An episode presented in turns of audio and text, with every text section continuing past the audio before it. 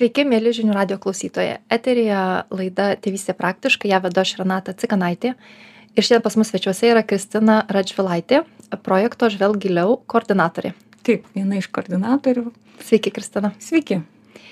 Um, galbūt laidos pradžiai supažindinkime visus klausančius, kurie galbūt nėra girdėję apie šį projektą, bendromis gairėmis, kas tai yra per projektas ir kokia jo esmė.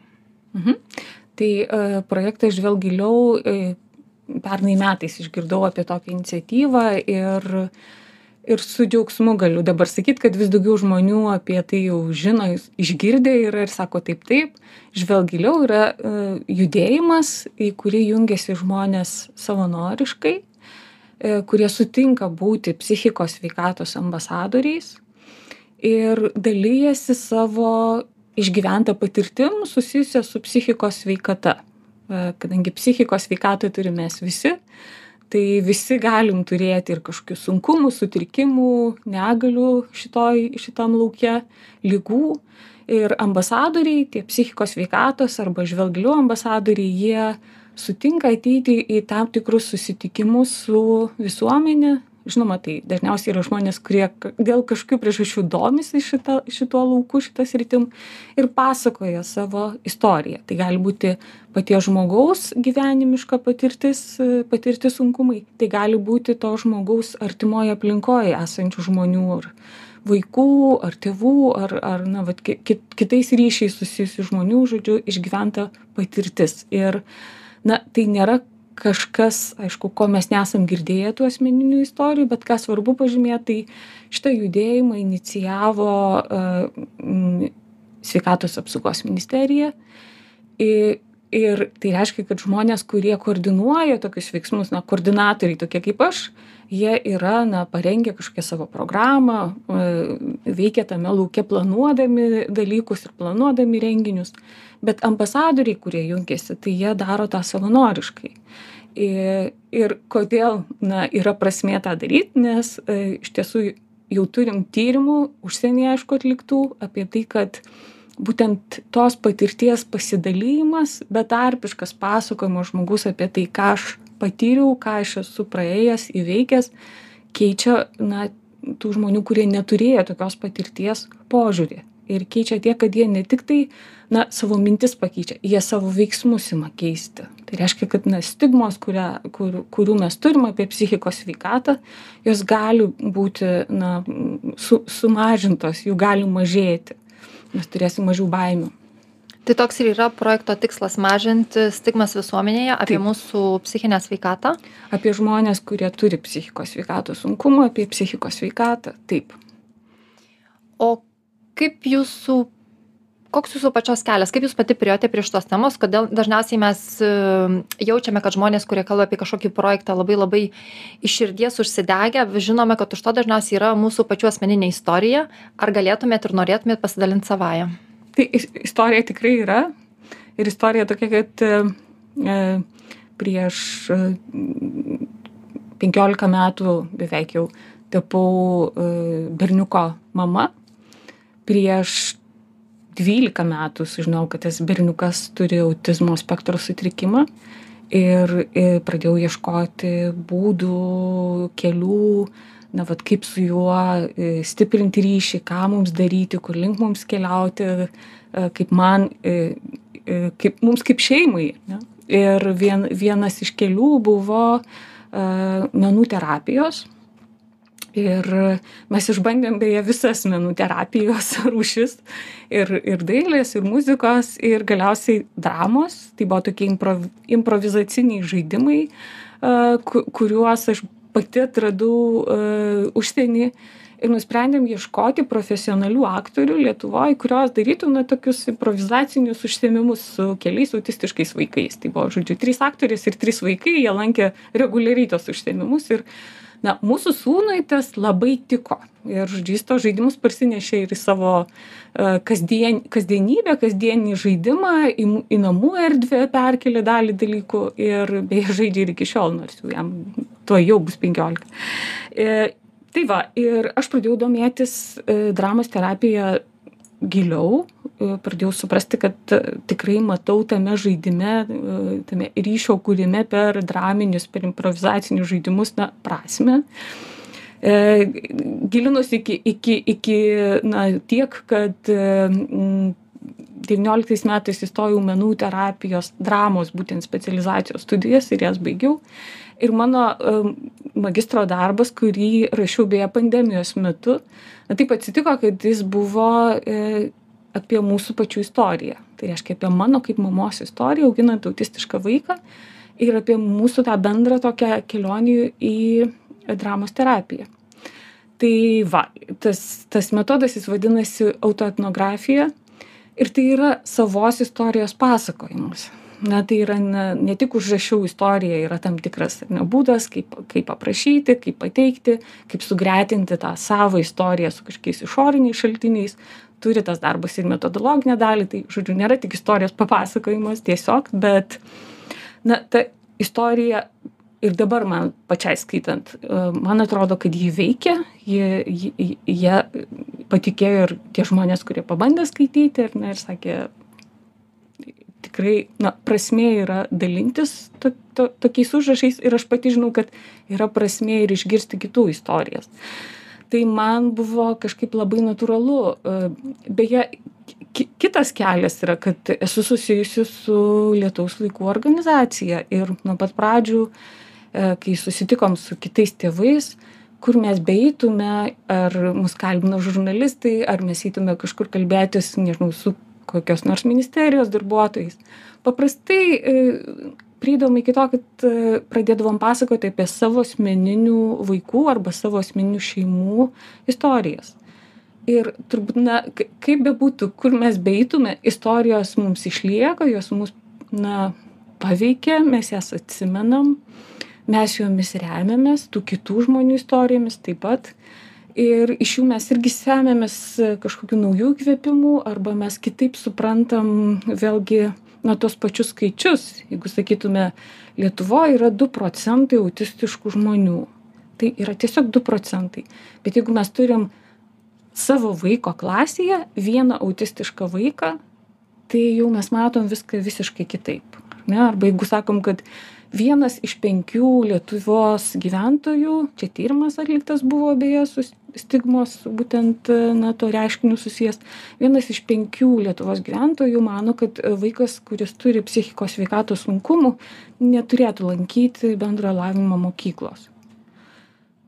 Na čia tik skaičiai bet jeigu mes suprantam kad na tų sunkumų turintis vaikas ir dabar yra mokykloj nes vaikai kurie turi depresijos kažkokių nu galbūt ne dar ne nediagnozuota depresija bet depresijos simptomų ar ne arba vaikai kurie turi nerimo sutrikimą arba vaikai na su įvairiausiais mokymosi sunkumais tai taip pat įeina į tą psichikos lauką ar ne tai jie jau yra mokykloje o kažkas turi nuostatą kad jo turėtų ten nebūti. Ne tai tai apie tai kad tie vaikai mūsų vaikai kai yra na kažkaip e įpinti į mūsų pasakojimus kai mes patys kaip tėvai atsiveriam ir pasakojam o o kokį kelią aš praėjau iki to kad šiandien aš sėdžiu ir čia kalbu tai iš tikro žmonės na turi klausimų kartais žmonėm yra labai jautru kartais žmonės girdėdami kitų tėvų istorijas tikrai reaguoja jautriai kartais jie sako aš girdžiu savo vaiko istoriją už to ką jūs pasakojat. Dabar jau kalbu net ne apie save bet vat ką girdžiu iš to žvelk giliau ar ne judėjimo. Tai ir tai veikia. Ir ir manau kad na net ir iš tos mokslinės pusės kalbant mes nuo kiekybinių tyrimų nuo tų didžiųjų skaičių vis dažniau norim remtis ir kokybine na medžiaga. Mes kalbam apie atvejus apie situacijas apie tą konkretų žmogų kurį norim geriau suprasti. Ne todėl kad tai prieštarautų vieni kitiems na tie tyrimai bet todėl kad tai papildo ne? Ir kai mes žinom žmonių istorijas mes na kažkaip tą pasaulį vėl kitaip pamatom. Ne tik skaičiais abstrakčiais besiremdami ir reiškiniais kuriuos na tais skaičiais apibrėžiami man labai e, įdomu kai jūs kalbėjot apie dramos terapiją aš pagalvojau kad kodėl vat yra tokia paveiki apskritai e, menų terapija, netgi kūno terapija? Kodėl jinai, kodėl jinai turi tokią galę, kurią kartais labai sunku atrasti žodžio terapijoje? E, ir pagalvoju labai dažnai, kad mes žodžiais visi esame tikriausiai iš savęs riboti. Kai mes kalbamės, žodis ir prasme, kuriam jūs suteikėte, nebūtinai bus ta pati prasme, kurią aš išgirsiu. Aišku, kai aplinka yra palanki, kai mes tikrai esame išklausomi, kai mes esame išgirsti, tai yra labai, labai stipru, tačiau dažnai mes žodžiais labiau pykstamės, negu klausom vieni kitų. E, klausantis kito žmogaus, mes jau turim savo atsakymą arba jau galvoj sukasi, bet norim kažką pakomentuoti. Ir prie dalinimosi svarbo žodžiais aš grįšiu vėliau, bet vat, šiuo momentu aš noriu grįžti prie dramos poveikio, kodėl yra apskritai tokios paveikios visos kitos terapijos, kurios galbūt vyksta be žodžių. Man atrodo, tarsi tie žodžiai, kurie yra filtras tarp manęs ir jūsų, nes mes niekada nežinom, ar tą pačią prasme suteikiam tam, ką sakom. O dramos terapija, meno terapija, eina tiesiai iš širdies į širdį. Kažkaip mhm. geba susijungti žmonės elementuose, kuriuoms, kur, kur kalbai nereikia žodžių.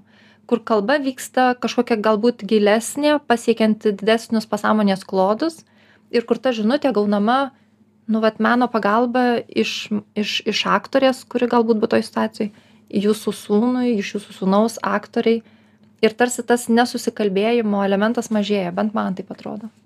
Nežinau ką jūs apie tai galvojat aš iš vienos pusės visiškai sutinku iš kitos gi pusės e, e, pirmiausia ieškodami pagalbos vaikams kurie neturi verbalios kalbos mes esam na kaip tėvai arba kaip specialistai gerokai apriboti nes mes tiesiog negalim kalba na Mhm. naudotis kaip ta priemonė kuria prakalbinsime vaiką ar jaunuolį ar suaugusį žmogų ku kuriuo kažkokią žinią jam perduosim tai tada i ir galim pasitelkti tuos būdus kurie mums įmanomi tai yra garsas ane judesys a kažkokios a piešimo dailės technikos E, žaidimas. Tai, e, žodžiu, man tai yra, na, turbūt aš ieškojau to ne kaip alternatyvos, bet tuo metu, kai ieškom vaikams e, užsiemimų ir, ir būdo su jais užmėgsti tą ryšį,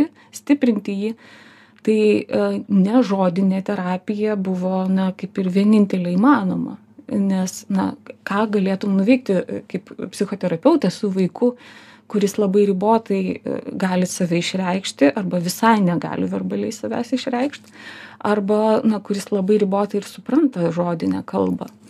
Ir iš tiesų šiandien dar kai pažiūrėjau tai dramos terapija ir buvo e, žodžiu prieš mažiau nei šimtą metų šitas terminas įvardintas e, britanijoj ir ir tarsi išrastas kabutėse na iš tikrųjų tai neišrastas bet žodžiu įvardintas kaip priemonė kuri tinkama darbui užsiėmimams su negalia psichikos negalią turinčiais žmonėm tai na va turbūt tai ir yra tas atsakymas kodėl bet dramos terapija kaip ir kitos menų terapijos lygiai taip pat tinka visiem. Ir ir tikrai tas na man tai buvo nuostabu pajusti na vat kaip veikia tas veiksmas išveikimas tas žaidimas nors jis vyksta tarp suaugusio ir vaiko arba tiesiog tarp suaugusių. Tai aš jaučiuos iš tikro kažkokį naują pasaulį tame atradus ir ir džiaugiuos kad menų terapeutų irgi vat jau ir lietuvoj ruošiama ir kad mūsų tos gretos nors nedrąsiai bet tikrai e, didėja Kviečiu visus dabar padaryti trumpą pertraukėlę ir netrukus grįšime į eterį su temos pratesimu.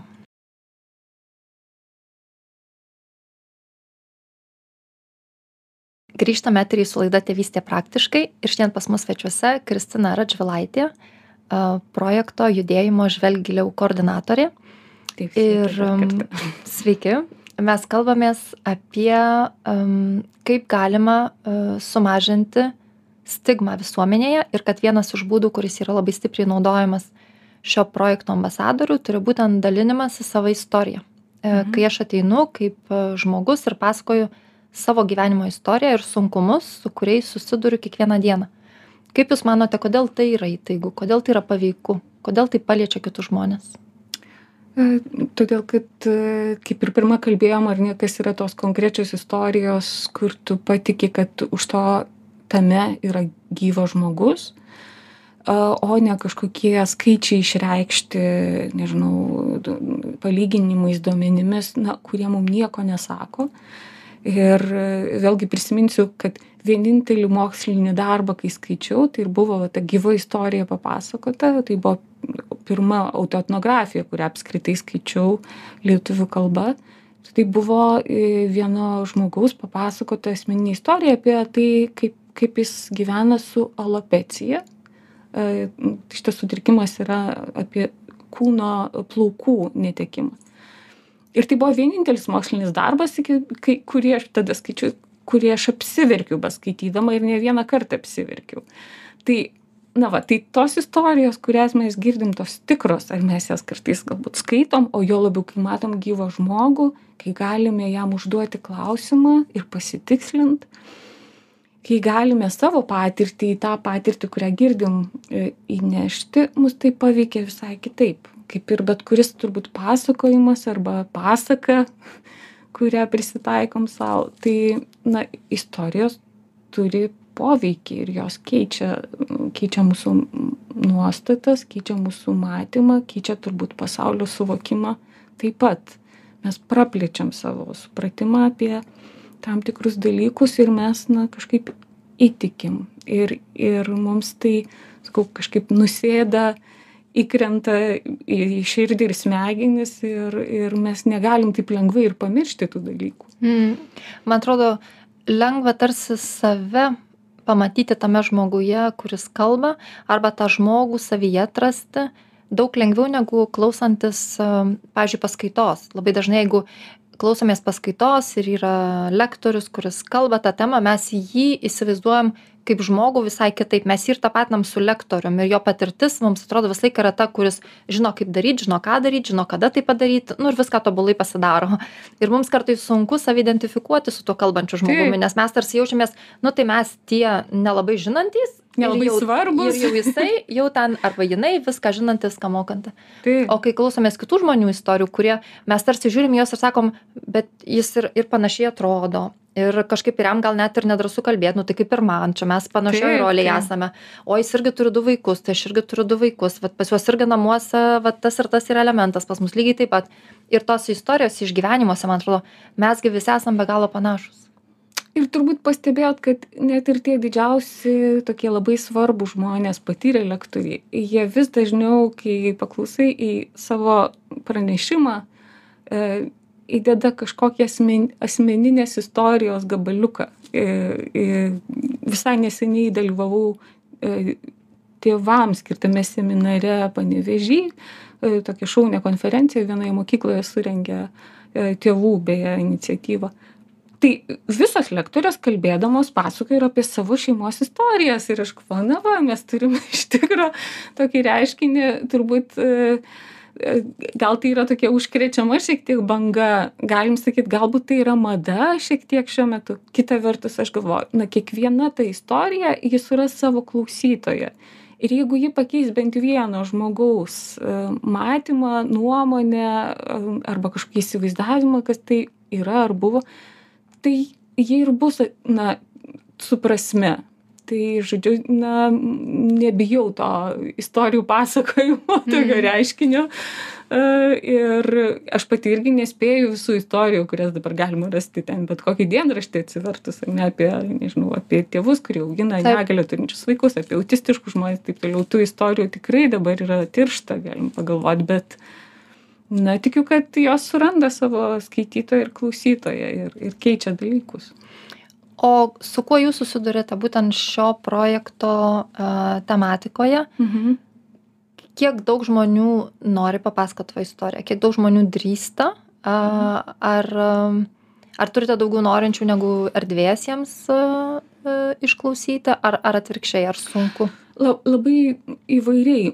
Turbūt mano e, situacijoj aš neskubėjau iškart surinkti daugybės žmonių į būrį ir tada jau ieškoti ką nuveikti. Mes tokie truputį sniego gniūžtės e, na tokia tarsi e, metodika judam kai jungiasi po truputį žmonės ir jungiasi vat neuroįvairovės lauke jau jungiasi žmonės ir su kitokiais sunkumais ne tik su autizmo spektro sutrikimais arba artimieji autistiškų vaikų.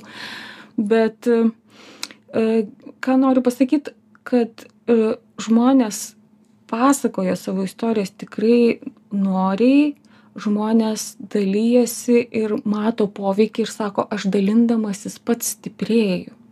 Aš matau prasme ir jeigu pirmą kartą man buvo labai baisu, kaip čia bus, tai antrą kartą aš jau išėjau savo mieste pasakot kas irgi yra iššūkis ar ne ir aš nieko nebebijau. Aš suprantu kad na aš pats kažkaip stiprėju ir labiau net man aiškiau galvoje ką aš pasakoju ir kodėl man yra prasmė tą daryti.